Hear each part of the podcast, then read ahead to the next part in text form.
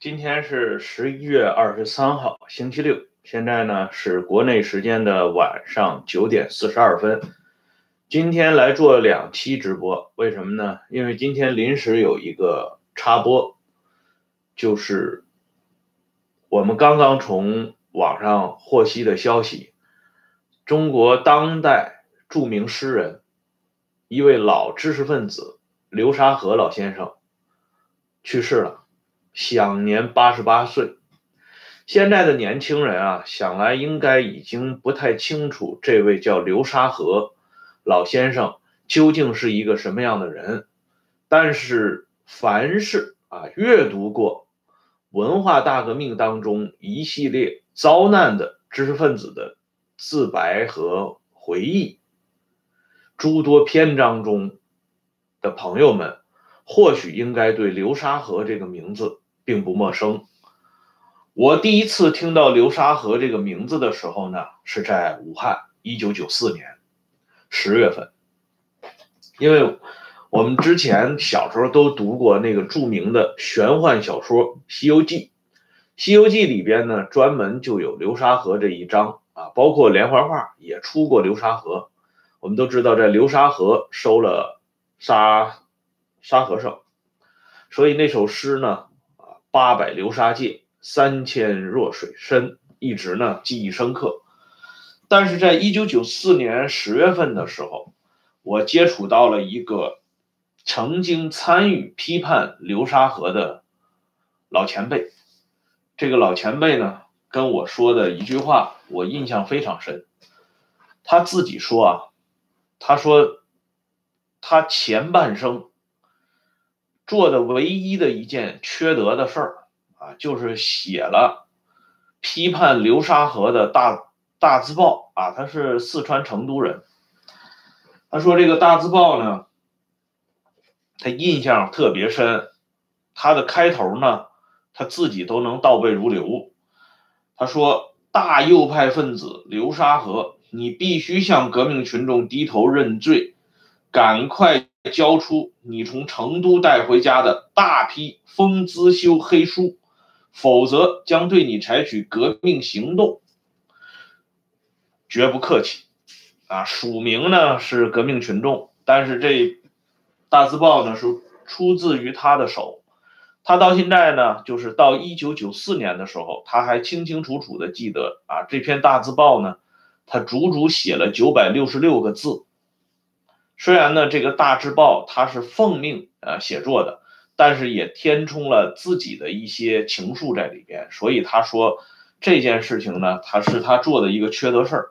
后来他同流沙河再见面的时候，他当面呢向流沙河老先生做过道歉，啊，老先生呢也原谅了他，啊，这件事情呢是我知道流沙河的开始。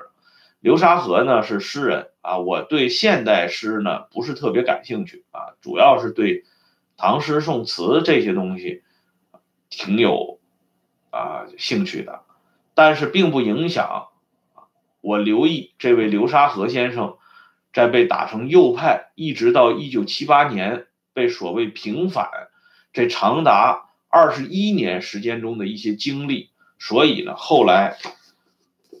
找到一本书，这本书呢叫《明世治白》，我在文革中由内蒙古人民出版社出版，所以今天的读书杂记呢，主要向大家推荐这本书。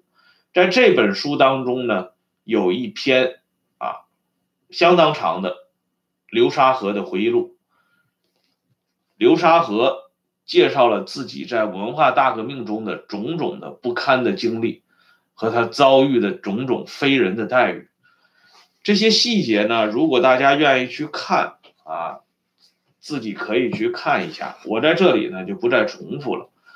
我在这里呢想给大家说两个非常有意思的片段啊，一个呢是流沙河的感慨，一个呢是流沙河当时内心的独白。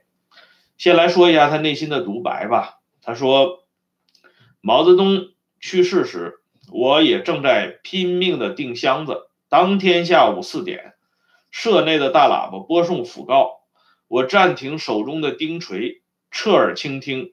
听毕，只有一个想法：他从此失去改正错误的可能性了，永远的。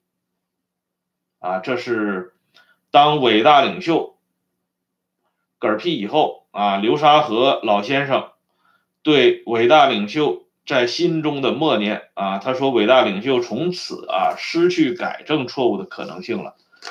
可以说呢。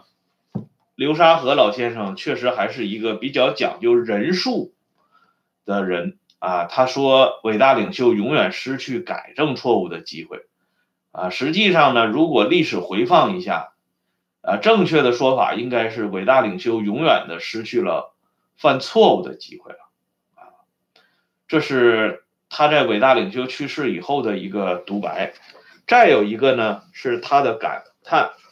他的这段感叹呢，我愿意不厌其烦的给大家读一下，大家呢听一听流沙河在文化大革命初期阶段的感叹：中国政治的金字塔在燃烧，雄踞塔峰的人呼唤八面的风，铲地刮来，吹塔底四周之火向上烧。烧那些坐在塔腰一贯吹火向下烧的官员，也烧那些坐在塔腰并未吹火向下烧的官员，也烧那些绕塔腰奔跑着努力灭火、对得起人民也对得起党的官员。昆冈烈焰，玉石俱焚，悲哉悲哉！这是。写在这本书的第六百二十五页当中，流沙河老先生对文化大革命的一个集中的感慨。只是老先生这里呢，似乎没有提到这个政治的金字塔在燃烧的时候，其实并不仅仅烧向各个层面的官员，实际上也烧向了那些围绕着。金字塔周围看热闹或者说是看戏的群众们，事实上呢，群众们被烧伤的面积似乎更大一些。最有意思的，他最后啊引用了这句古文：“昆冈烈焰，玉石俱焚。”这是第一次文化大革命给中国人带来的悲剧的，在流沙河心目中呈现的一个重要的。